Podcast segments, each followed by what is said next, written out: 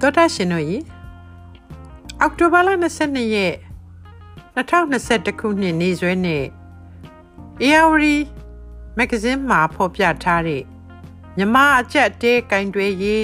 American တဆင့်တက်တော်မယ်ဆိုတဲ့သတင်းဆောင်မကို တင်ပြခြင်းပါလေ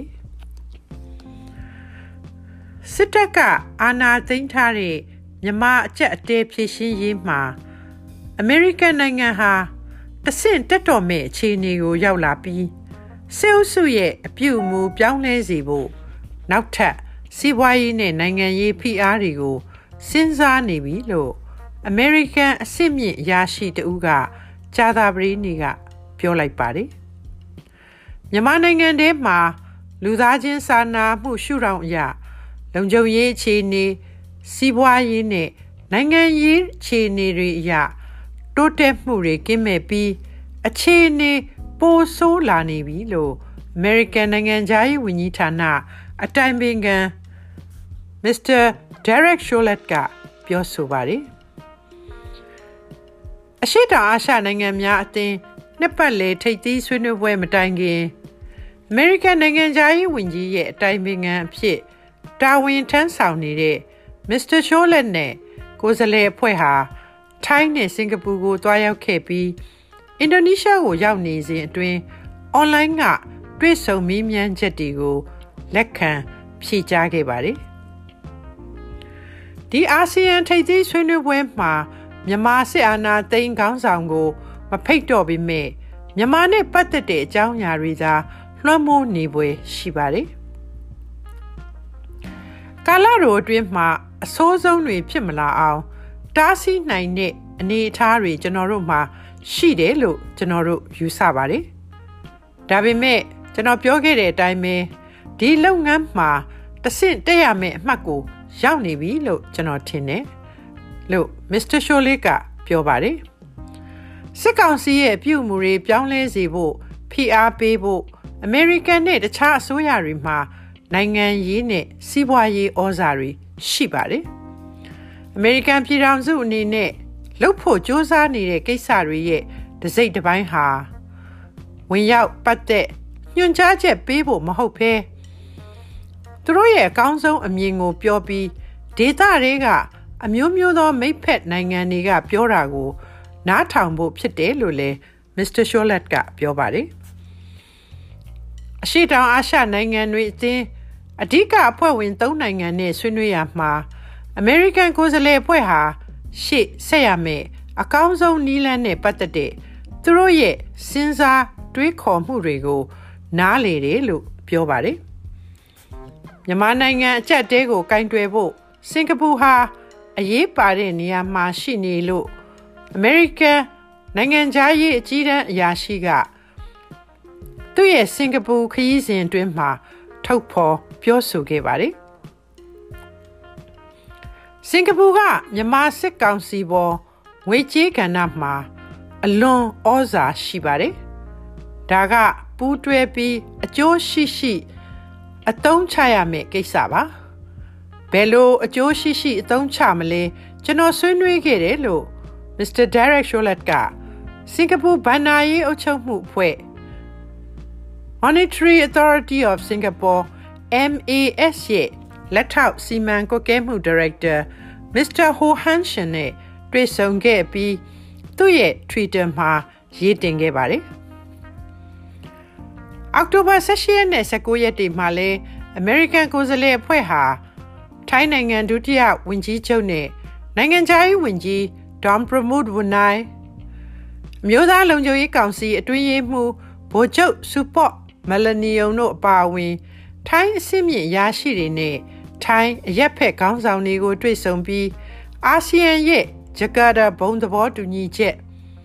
ထိုင်းမြန်မာနေဆက်ဖြတ်ကျော်ထောက်ပံ့ရေးတွေအကြောင်းဆွေးနွေးသွားပါတယ်။ American ပြည်ထောင်စုဟာဗြိတိန်နဲ့ဥရောပတပ်မဲကတို့နဲ့အတူမြန်မာထိပ်တန်းစစ်အရာရှိတွေနဲ့စစ်ကောင်စီဝင်ငွေရနေတဲ့အကျိုးအမြတ်များတဲ့အစိုးရပိုင်းလုပ်ငန်းတွေဖြစ်တဲ့တစ်နဲ့ကြောက်မြက်ရတနာလုပ်ငန်းတွေကိုအရေးယူ ပိတ်ဆို့ထားပြီးဖြစ်ပါတယ်။ဒါပေမဲ့အဲ့ဒီအရေးယူမှုမှာ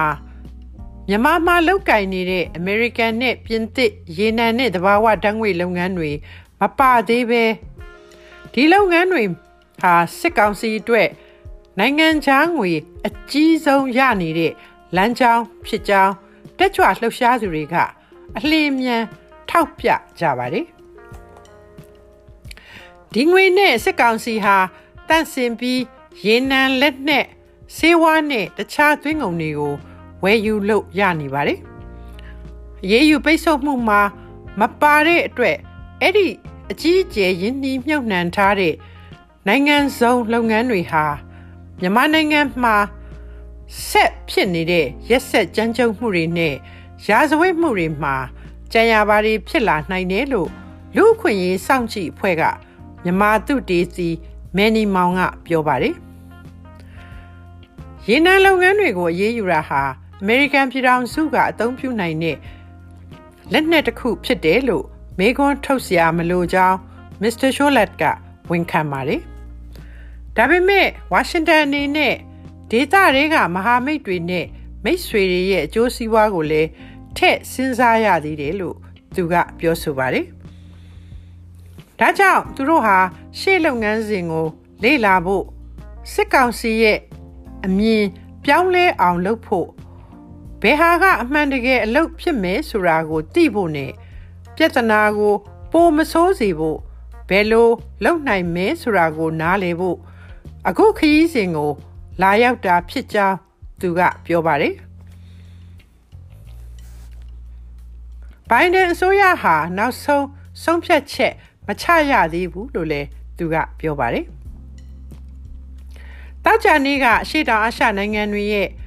အသင်းကမြန်မာစစ်ကောင်းဆောင်ဗိုလ်ချုပ်မှုကြီးမင်းအောင်လှိုင်ကို ထိတ်ကြီးဆွေးနွေးပွဲကို ဖိတ်ကြားမှာမဟုတ်ဘူးလို့ဆုံးဖြတ်လိုက်တာဟာ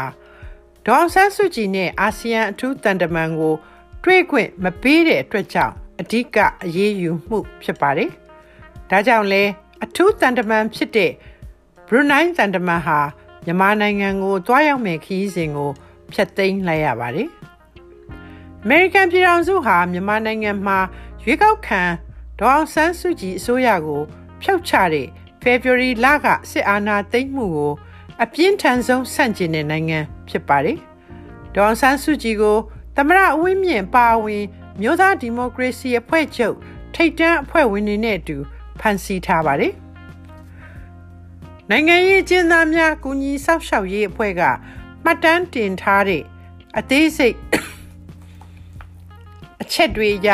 စစ်ကောင်စီတပ်တွေဟာဖေဖော်ဝါရီလ၁ရက်နေ့မှာအာဏာသိမ်းပြီးတဲ့နောက်အရက်သား1200ကျော်ကိုတပ်ဖြတ်ပြီးလူပေါင်း943ယောက်ကိုဖမ်းဆီးခဲ့ပါတယ်။အာဏာသိမ်းကောင်းဆောင်ကိုအာဆီယံထိပ်သီးအစည်းအဝေးတက်ခွင့်မပေးတဲ့အကြောင်း သတင်းနောက်ဆက်တွဲအနေနဲ့ဆီအာနာသိမ့်မှုဆန့်ကျင်ဆန္ဒပြပွဲတွေမှာပါဝင်ခဲ့လို့နိုင်ငံရေးနဲ့ဆက်နွယ်တဲ့ပြည်ဒဏ်ချမှတ်ခြင်းခံရသူ1316ဦးတရားရင်ဆိုင်နေရသူ4320ဦးစုစုပေါင်း9636ဦးကိုလွှတ်ပေးမယ်လို့စစ်ကောင်စီကထုတ်ပြန်ကြေညာပါတယ် ဒါပေမဲ့အမှန်တကယ်လွှတ်ပေးလိုက်သူတွေဟာသူတို့ရဲ့ကြီးညာချက်ပါအရေးအတွက်ထက်နည်းနေနိုင်ပြီးပြန်လွှတ်ပေးသူတော်တော်များများပြန်အဖမ်းခံရတယ်လို့နိုင်ငံရေးအကျဉ်းသားများကုညီဆောက်ရှောက်ရေးအသင်း AAPP ကထုတ်ပြန်ထားပါတယ်ရှင်။